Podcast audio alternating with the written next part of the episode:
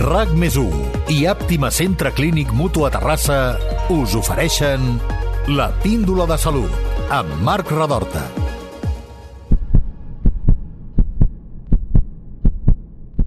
El cos humà és una màquina perfecta i extraordinària, però si hi ha un organisme especialment avançat és l'ull humà.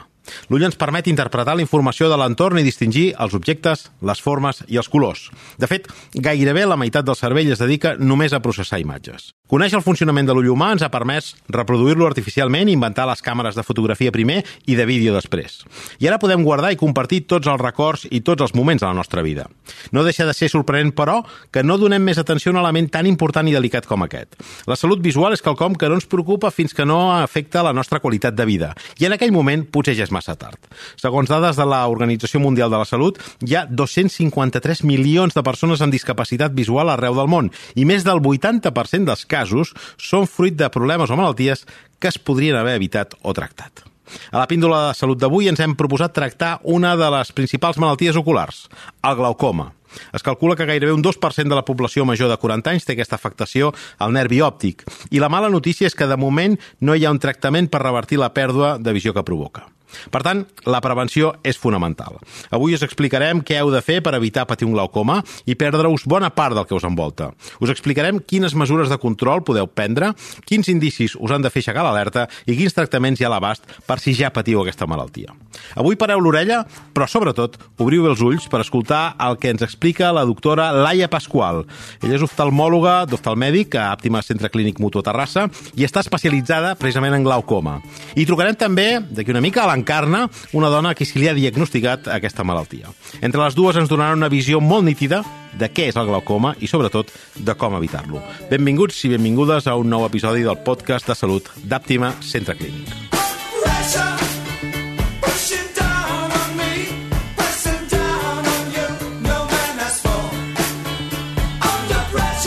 Doctora Laia Pasqual, oftalmòloga d'oftalmèdic a Àptima Centre Clínic Mutu Terrassa, benvinguda. Gràcies. Comencem explicant què és el glaucoma, de manera que ho puguem entendre tots. Bé, a veure, el glaucoma és un grup de malalties que tenen en comú que el nervi òptic es danya per culpa, la major part de les vegades, d'estar patint una pressió massa alta. Val? Um, dic que és un grup de malalties perquè a vegades depèn de la causa, depèn de l'anatomia de l'ull. Hi ha diversos, diversos factors que poden fer que un ull pateixi glaucoma. Què passa? Aquest nervi òptic perd més neurones de les que li tocaria per un envelliment propi. Uh -huh. val? Evidentment no és el mateix el nostre nervi quan naixem que quan tenim 20 anys que 40 o 60, però la pèrdua de neurones és una pèrdua petita, val? el nervi gairebé no canvia al llarg de la vida i en canvi aquesta malaltia el que fa és que perdem més neurones de les que ens tocaria.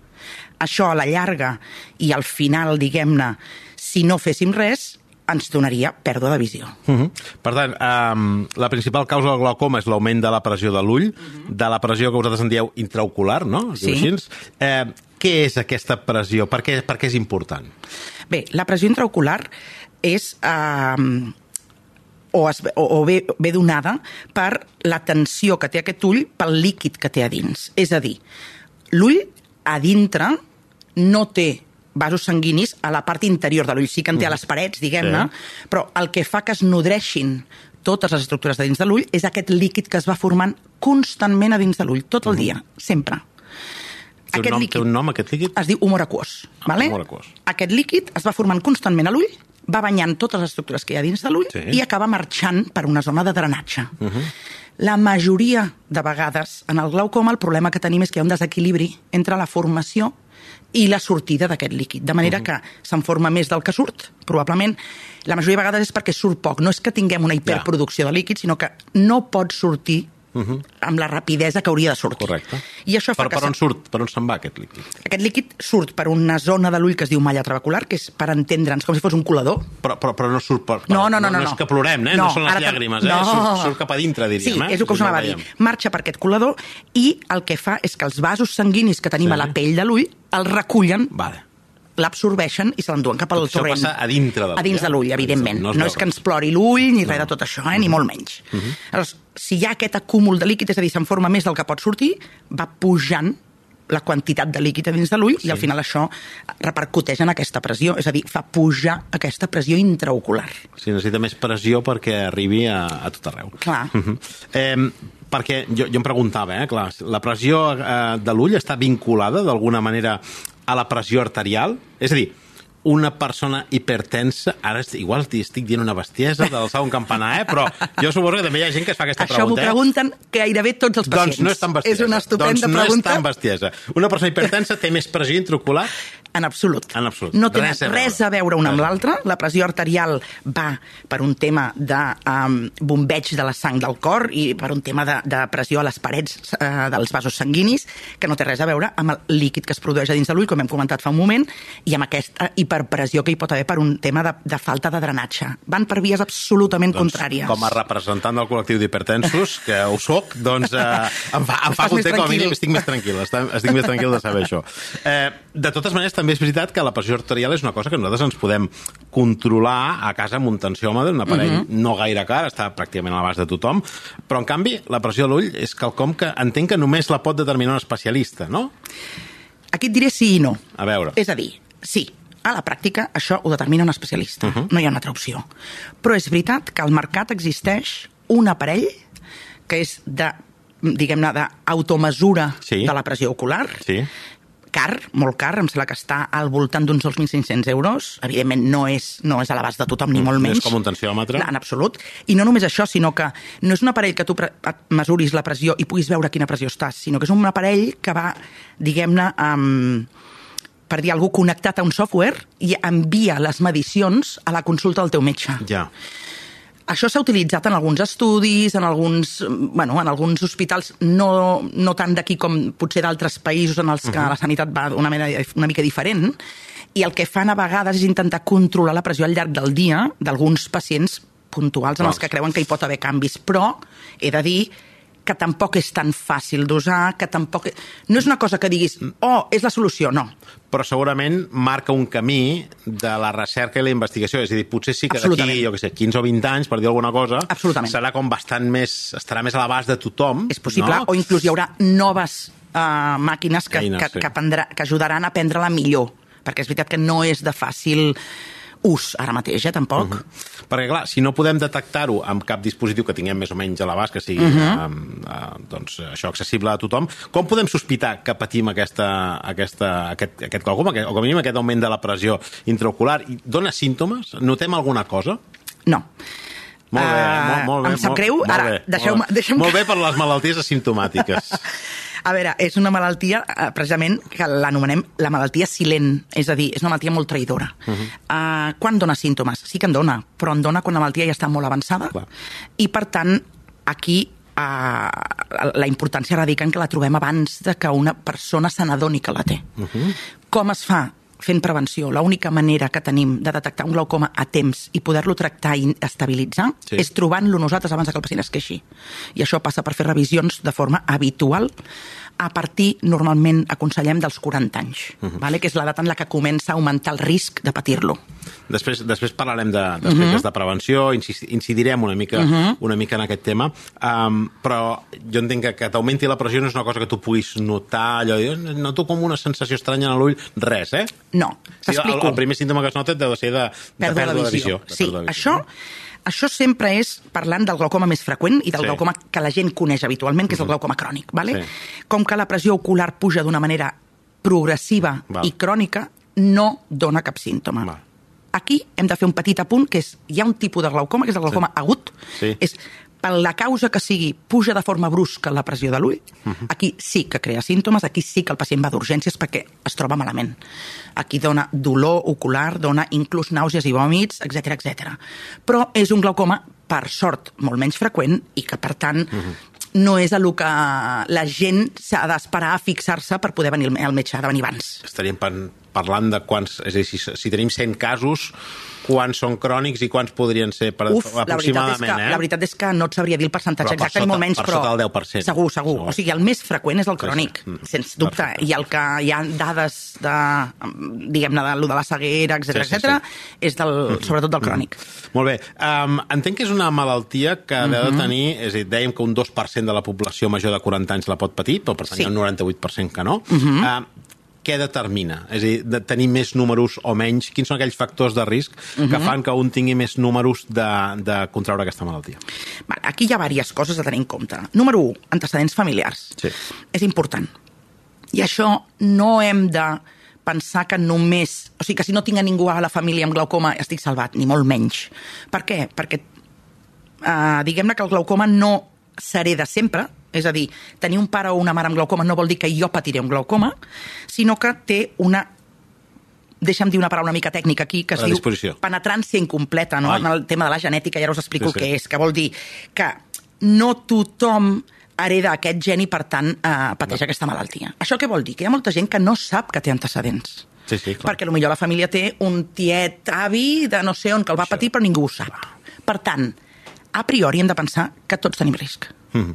I a partir d'aquí, crec Clar, que potser és... sí que les properes generacions, que nosaltres ja Exacte. tindrem més, més, més coneixement Sí, senyor. del nostre cos i la tecnologia I hem anat al metge a fer i hem anat al revisions. metge a fer revisions i tal, podrem explicar als nostres fills i als nostres nets Exacte. si hem patit això. Però els nostres pares i els nostres avis... No anaven al metge, no sé que els hi fes mal al genoll, Correcte. així de fàcil. Correcte, correcte. Bé, més, perdona, més, sí, hi ha més factors. factors. Evidentment, antecedents familiars és un, però no ens podem fiar només d'això, perquè evidentment hi ha gent que no el coneix. Un molt important també és l'edat avançada. Evidentment, a partir dels 60 anys, el risc augmenta clarament. Uh -huh. vale? I, de fet, es recomana fer revisions de forma seriada anuals, o cada dos anys com a molt, a partir dels 40. Uh -huh. Perquè és quan pots detectar aquest inici de la malaltia i quan la pots intentar estabilitzar. Estem parlant de glaucoma, però tu ets oftalmòloga. Sí. Uh, quan parlem d'una revisió, jo entenc que no ha de ser només de glaucoma, No, home, sinó no. que és anar amb un, anar amb un oculista, un oftalmòleg, Sí. i, i dir-li, escolta, mira'm els ulls, no? Exacte. És a dir, mira'm, mira'm, mira'm, Exacte. mira'm els ulls i mira com, digue'm com els tic, no? Exacte. Pensa que a mi quan em ve un pacient i em diu escolta, tinc antecedents familiars de glaucoma, m'he de mirar. Jo no només busco el glaucoma, Clar. jo li miro tot. Mirem la visió que té, mirem la graduació que té, mirem tot l'ull, l'anatomia d'aquest ull, mirem la retina, ho mirem tot. Evidentment també mirem el nervi, que és el que hem de buscar, però clar, es fa una revisió completa, oftalmològica, i això ve perquè la gent entengui també que no val anar a l'òptica a prendre's la pressió, que és el que fa molta gent. I no dic que les òptiques no facin una bona feina, clar que sí, prenen pressions i poden a vegades alertar algú i Però és- fer-lo venir. però és com anar a la farmàcia o anar al Sí, senyor. Sí, senyor. Clar. És a dir, quan un sap que té antecedents o quan un realment vol descartar una patologia ocular, la òptica no és suficient. No vaig a la farmàcia, vés al metge. Això mateix. Correcte. Molt bé, doncs um, ara no sé si hi ha algun altre factor de risc. Sí, sí suposo que ens en deixem, ens deixem més, perquè no has, no has dit de fumar. Te'n és nombro ara- diuen te'n nombro si no uns quants no així molt cap ràpid. metge que hagi passat Exacte. per la píndola de salut que no ens hagi dit que fumar és, És que és veritat. dolentíssim. És veritat. A veure, uh, tot el que és hàbits no saludables... Tòxics, que en dieu vale? vosaltres, no? Exacte. El que faran és, diguem-ne, empitjorar l'estat dels teixits del nostre cos i, per Sí. tant, fer que això pugui també empitjorar. Uh -huh. Coses importants que aquí no vull deixar-me, que és la miopia, Sí. mitja o alta, és un factor de risc claríssim també A- per a patir. partir de quan és A partir d'unes alta? 5 dioptries. Cinc dioptries. També és un factor de risc per patir glaucoma, i aquí ho hem de tenir en compte. I, perdona, Digue'm. si t'han operat de miopia amb Lo el mismo, làser... si- lo mateix. Perquè tu la malaltia la tenies segueix, igual, sí, no? Mm. senyor. Aquí és molt important que la gent entengui. Ara venia precisament aquí.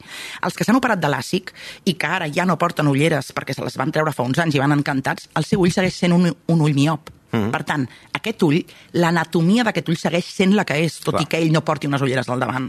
I els riscos hi són igual. Mm-hmm. Per tant, han de continuar fent revisions, que em trobo molta gent que no, em vaig operar fa 15 anys i no he tornat a l'oftalmòleg. Home, intentem que això no passi, perquè aquest ull s'ha tocat, s'ha operat i s'ha d'anar controlant que tot funcioni. Correcte, correcte. Val? Uh, la última cosa que volia dir com a, com a factors de risc és, un, la raça. Africans i afroamericans tenen un risc molt més elevat que la resta de persones de patir un glaucoma, i també factors vasculars. Em deies abans que els hipertensos em donàveu les gràcies, doncs aquí t'he de dir que sí però no. És a dir, Ja. tot el que siguin factors vasculars que alterin vale? els vasos, sobretot els petits vasos, que són els que inerven, ai, els que, perdó, vascularitzen el nervi, poden tenir un efecte en aquest nervi i, per tant, poden donar o, o ajudar a que es desenvolupi un glaucoma. Bé, uh, ha quedat clar quins són els factors de risc jo crec que ara que estem ja situats en, sobre què és un glaucoma, podem saludar una persona a qui se li ha diagnosticat aquesta afectació. Ell és l'Encarna. Encarna, benvinguda a la, a la píndola de salut. Gràcies. Uh, Explica'ns una mica el teu cas. Com, com t'arriben a tu a diagnosticar aquest glaucoma? Doncs vaig anar a, a fer-me la revisió Sí? i aleshores eh, el doctor em va dir que sí, que tenia un glaucoma. Des d'aquests moments, llavors vaig fer controls periòdicament, Mm. bastant seguidets, em van donar tractament i vaig anar millorant. Però tu, però tu no, molt- quina, quina edat tenies tu quan vas fer aquesta revisió?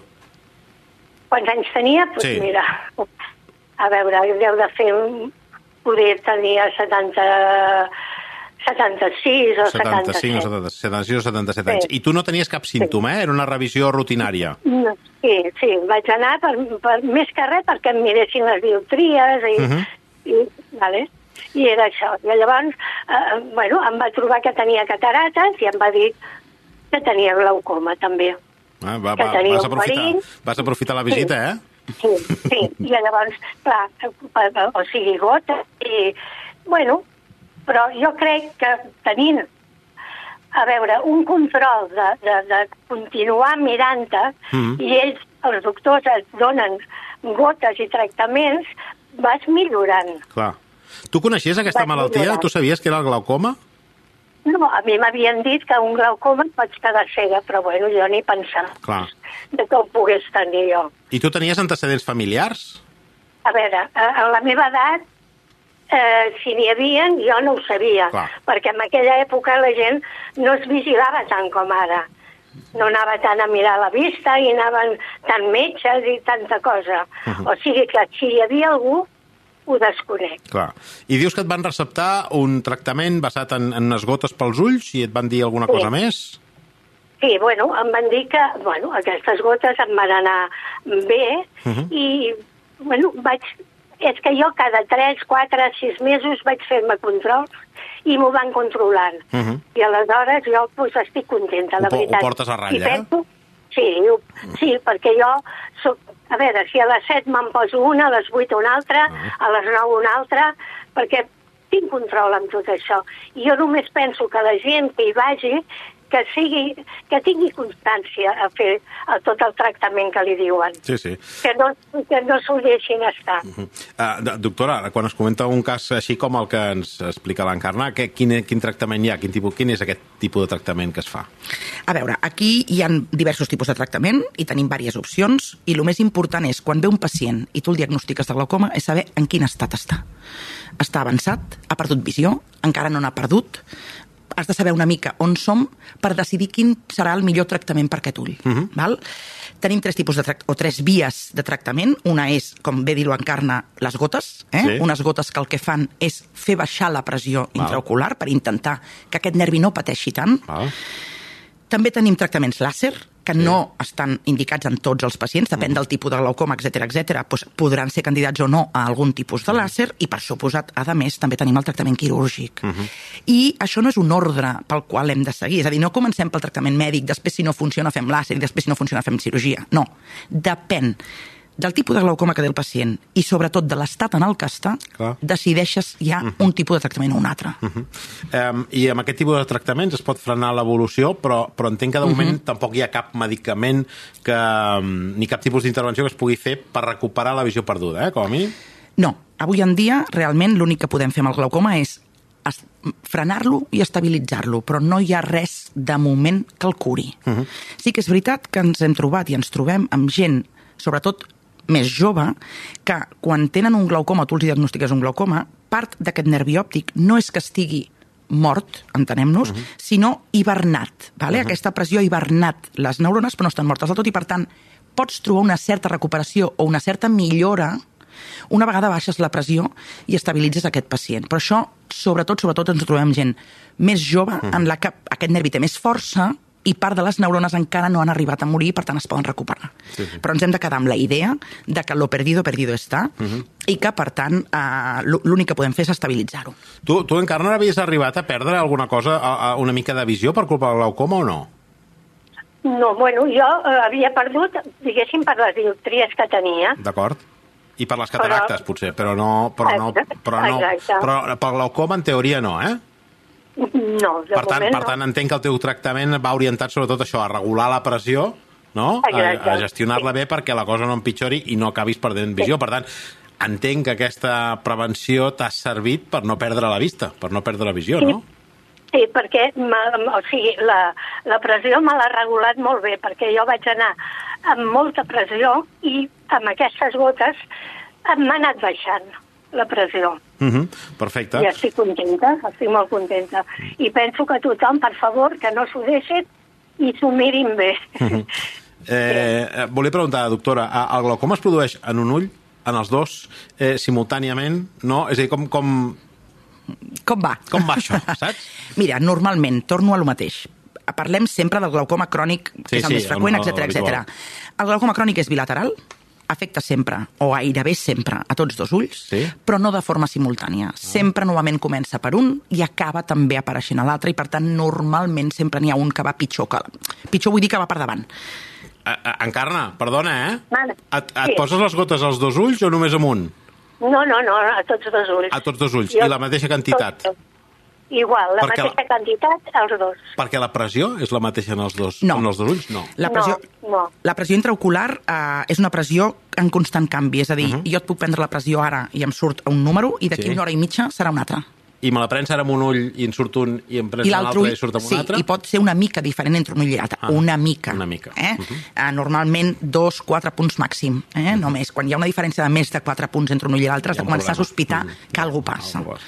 I, evidentment, um, torno a dir, uh, apareixen a, a tots dos ulls i normalment un va una mica més avançat que l'altre i, per tant, hem de ser conscients que si detectem un glaucoma amb un ull, compte que molt probablement l'altre també l'estarà iniciant. Mm. Per tant, d'entrada dir que probablement el tractament haurà de ser a tots dos ulls. Però sí que és veritat que quan anem a fer les revisions ja ens miraran els dos. Evidentment. Evidentment. Vamos, és que el que et miri només un ull no anem bé. No anem bé. Hem de canviar d'oftalmòleg. Exacte. Molt bé. Doncs, eh, ja per acabar, perquè eh, jo crec que hem explicat un munt de coses, Mhm. eh, recuperem aquella part de la prevenció. eh, doctora, explica'ns quines són les tres coses més importants que podem fer per evitar patir un glaucoma. La primera, i més important, ja us ho he explicat, és anar-se a revisar. Com que és una malaltia que no dona símptomes, és molt important que ens ho detectin, uh -huh. perquè nosaltres no serem eh, capaços de notar res. Val? A part d'això, evidentment, el que dèiem, hàbits saludables, tot Sí. el que sigui eh, pues una dieta eh, rica en vitamines, en antioxidants, eh, que no fumem, etc etc, també farà que els nostres teixits estiguin millor, estiguin més, eh, diguem-ne, conservats i, per tant, els hi costi més danyar-se, i, per altra banda, un bon control de lo que són malalties sistèmiques, el que dèiem, la hipertensió, la diabetis, qualsevol malaltia sistèmica, sobretot que tingui o que pugui tenir afectació vascular, podria empitjorar o ajudar a que aquest glaucoma es desenvolupi. Per tant, això també controlar-ho molt bé. Perfecte, doncs eh, moltes gràcies, doctora Laia Pasqual, oftalmòloga d'oftalmèdic a Àptima Centre Clínic Mutu a Terrassa, Gràcies a per donar-nos ta tanta informació i tan clara sobre què és el, el glaucoma i sobretot de com, de com evitar-lo. I Encarna, moltíssimes gràcies a tu també pel teu testimoni. Continua, continua cuidant els ulls, que encara hem de veure un munt de coses, eh? Exacte, exacte. Molt bé, doncs fins a la propera totes dues. Gràcies. Val, moltes gràcies.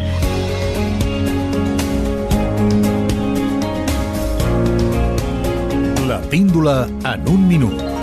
El glaucoma són un grup de malalties vinculades a la pressió intraocular. El glaucoma no genera símptomes fins que està en un estat avançat i ja ha suposat una pèrdua de visió. El glaucoma és força habitual. Es calcula que un 2% de la població major de 40 anys el patirà, però a partir dels 60 anys el percentatge s'incrementa de forma significativa. El glaucoma és bilateral. Això vol dir que en la majoria de casos acabarà afectant els dos ulls. Els tractaments inclouen gotes pels ulls, làser o fins i tot cirurgia. No tractar-se podria arribar a suposar la pèrdua total de visió, la ceguera. Per prevenir el glaucoma, la recomanació és fer controls periòdics anuals amb un oftalmòleg, evitar els tòxics com el tabac i portar un estil de vida saludable.